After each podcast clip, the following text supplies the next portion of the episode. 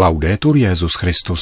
Chvála Kristu. Posloucháte české vysílání Vatikánského rozhlasu ve čtvrtek 23. ledna.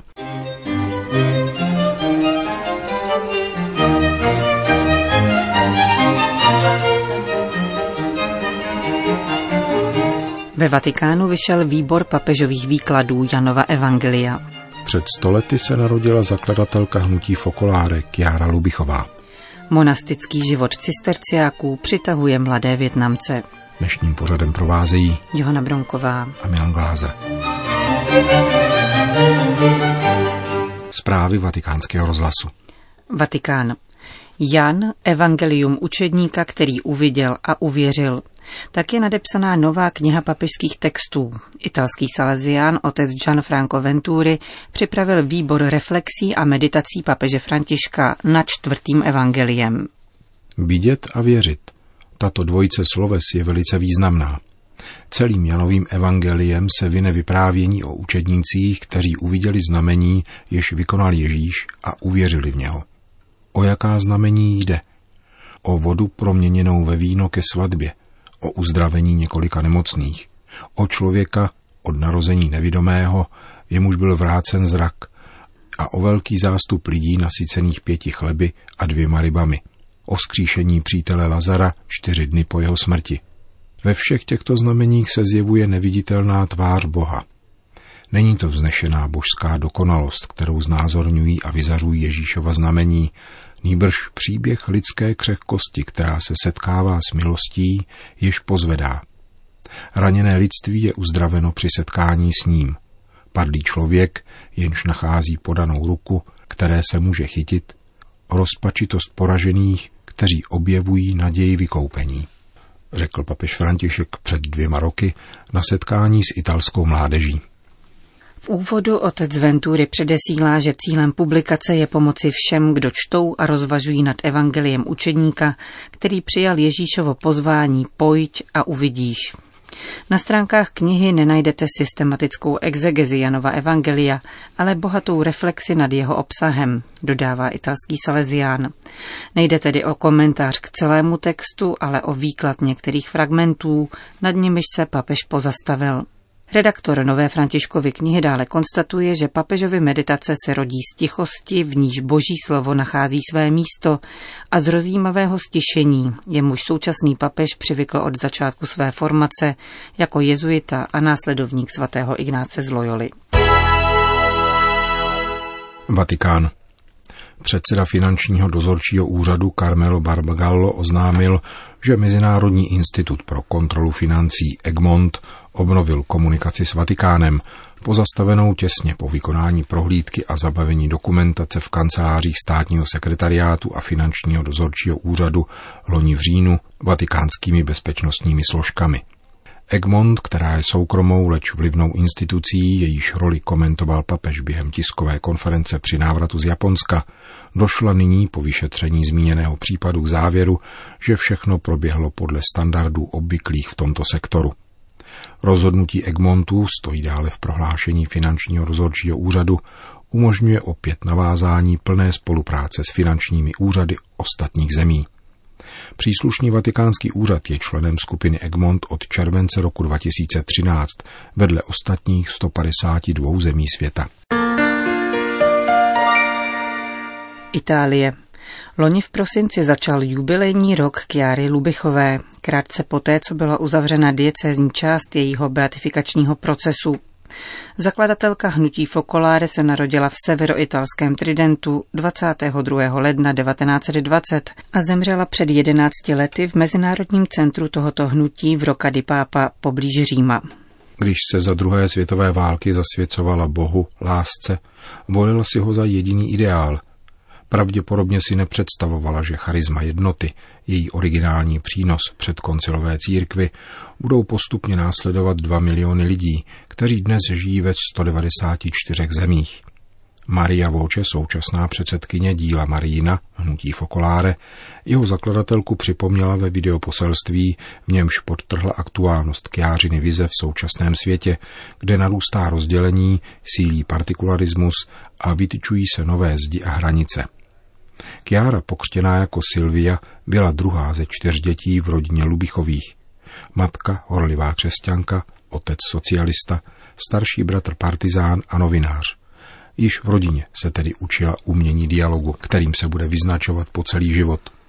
Popisuje Kjářino zázemí tridenská socioložka Ilária Pedrini. La sua famiglia che era abbastanza benestante all'inizio, poi conosce un periodo di... Její rodina byla zprvu docela majetná, ale pak poznala období chudoby a to i velmi tísnivé, ačkoliv ji to nezabránilo v tom, aby vyslala děti na studia. Kiara docházela na střední pedagogickou školu a současně ve svých 17-18 letech patřila k vůdčím postavám Tridenské katolické akce. Právě v tomto kontextu v roce 1939 se jí dostalo první vnuknutí o budoucím osudu. Při duchovních cvičeních v Loretu v tamní svaté chýši pochopila, že má žít v domku spolu s jinými lidmi, kteří mezi sebou udržují Ježíšovu přítomnost. Později to nazvala čtvrtou cestou. Nikoli zasvěcený život, ani manželství, anebo život ve světě zasvěcený Bohu. Byl to ještě jiný způsob, ve kterém se prolínalo zasvěcení, rodina, setrvání ve světě, či spíše bytí pro svět, abychom ho proměňovali e anche il restare in mezzo al mondo, anzi essere per il mondo, nel mondo per trasformarlo. Z Chiary se stane učitelka a zároveň se zapisuje ke studiu filozofie na Benátské univerzitě, aby poznávala pravdu. Za běsnění druhé světové války ale chápe, že jedinou nepomíjející pravdou je Bůh. Válka zabránila veřejné výuce a Chiara pracuje v soukromé instituci, františkánském sirotčinci. Právě zde spolu se svatým Františkem chápe, že láska není milována a dostává se jí slova, které se stane jejím životním leitmotivem. Bůh tě nesmírně miluje. Sdílí toto poznání s jinými mladými ženami a později i rodinami a obyvateli Tridentu, ze kterých se stává ucelená skupina, což byl v prostřed válečných trosek malý zázrak. Svou víru mění v činy a jejich prvním cílem je vyřešení sociálních problémů ve městě. Dodnes se uchovaly dokumenty, ve kterých tyto dívky dopodrobna zmapovaly sociální nouzy v jeho ulicích a čtvrtích, kam zapisovaly jména a adresy chudých lidí a jejich nejrůznější potřeby a na druhé straně zase dary bohatých občanů ochotných pomoci. Tato politická a sociální akce zůstala typická i pro pozdější vývoj hnutí. Byla konstantou Kjářina života tema della politica e della soluzione dei problemi sociali tramite la politica fu sempre una costante della vita di Chiara. Vysvětluje italská socioložka. Kiaru Lubichovou si sto let od jejího narození připomenou kromě jejího rodného Tridentu také mnohá další města v Itálii i po celém světě. Vyplývá z bohatého kalendáře iniciativ, na kterých přislíbil účast rovněž prezident Italské republiky Sergio Mattarella. Kjářin duchovní odkaz se jen stěží zhrnuje do několika vět, avšak jedno přání, či spíše modlitba, je dobře vystihuje. Chtěla bych, aby dílo Marijino na konci časů, až jako jednolitý celek bude očekávat, že předstoupí před Ježíše opuštěného a zmrtvých stalého, mohlo pánu zopakovat. Onoho dne, můj bože, ti vyjdu vstříc se svým nejbláznivějším snem. Přinést ti v náruči celý svět. Otče, ať jsou všichni jedno.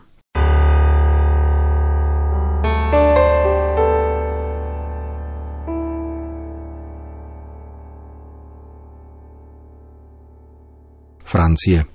Francie je zemí s největší židovskou komunitou v Evropě.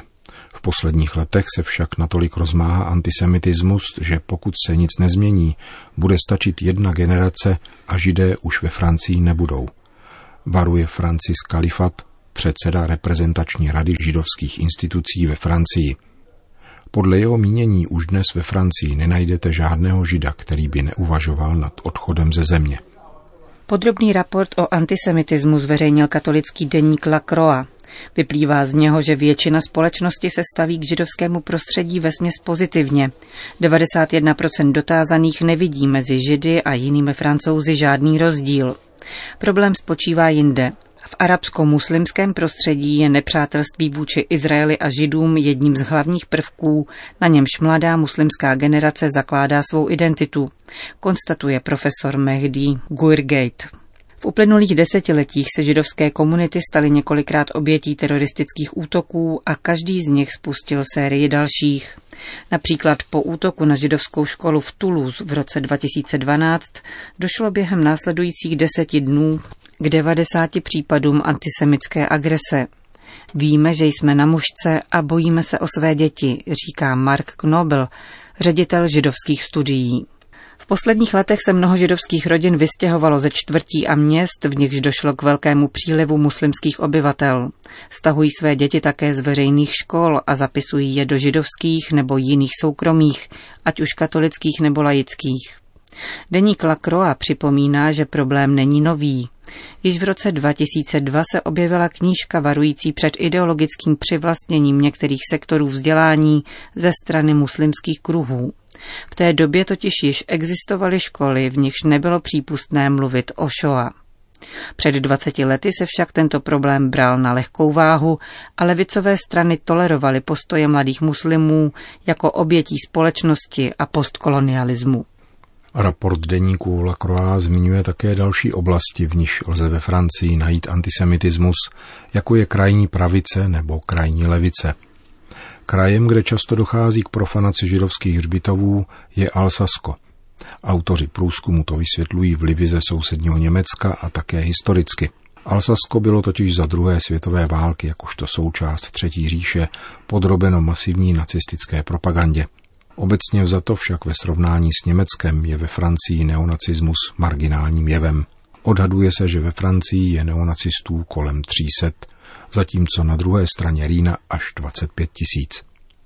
Antisemitismus v radikálně levicovém křídle má důvody především v nepřátelství k Izraeli a podpoře palestinských aspirací. Projevuje se to tolerancí muslimského antisemitismu a v krajních případech také v negacionismu. Raport deníku Lacroix zdůrazňuje, že díky rozvoji internetu a sociálních médií na sebe různé formy antisemitismu navzájem odkazují a utvrzují se, což mezi Židy posiluje pocit ohrožení.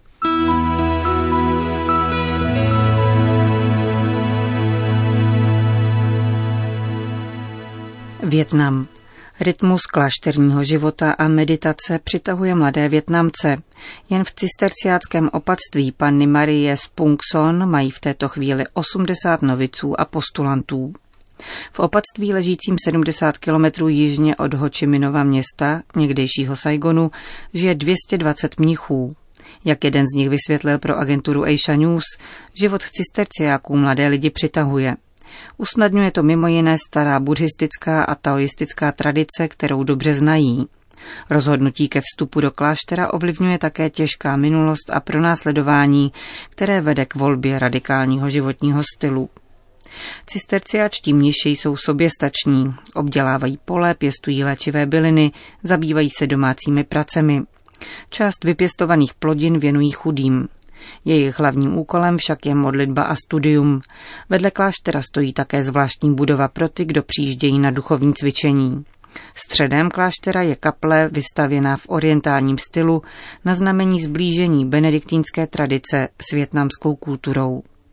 Právě o to se snažil také otec Henri Denis, který přišel do Větnamu jako misionář z Paříže. V roce 1918 zvolil mnižský způsob života, přijal jméno Benedikt Huan a schromáždil kolem sebe první skupinu mladých lidí. Dnes probíhá jeho beatifikační proces a jeho hrob je právě v klášteře Phung Son. Ve Větnamu je v současnosti devět mužských cisterciáckých opatství a tři ženská. Podle údajů z roku 2015 v nich tehdy žilo přes tisíc mnichů a 244 cisterciaček.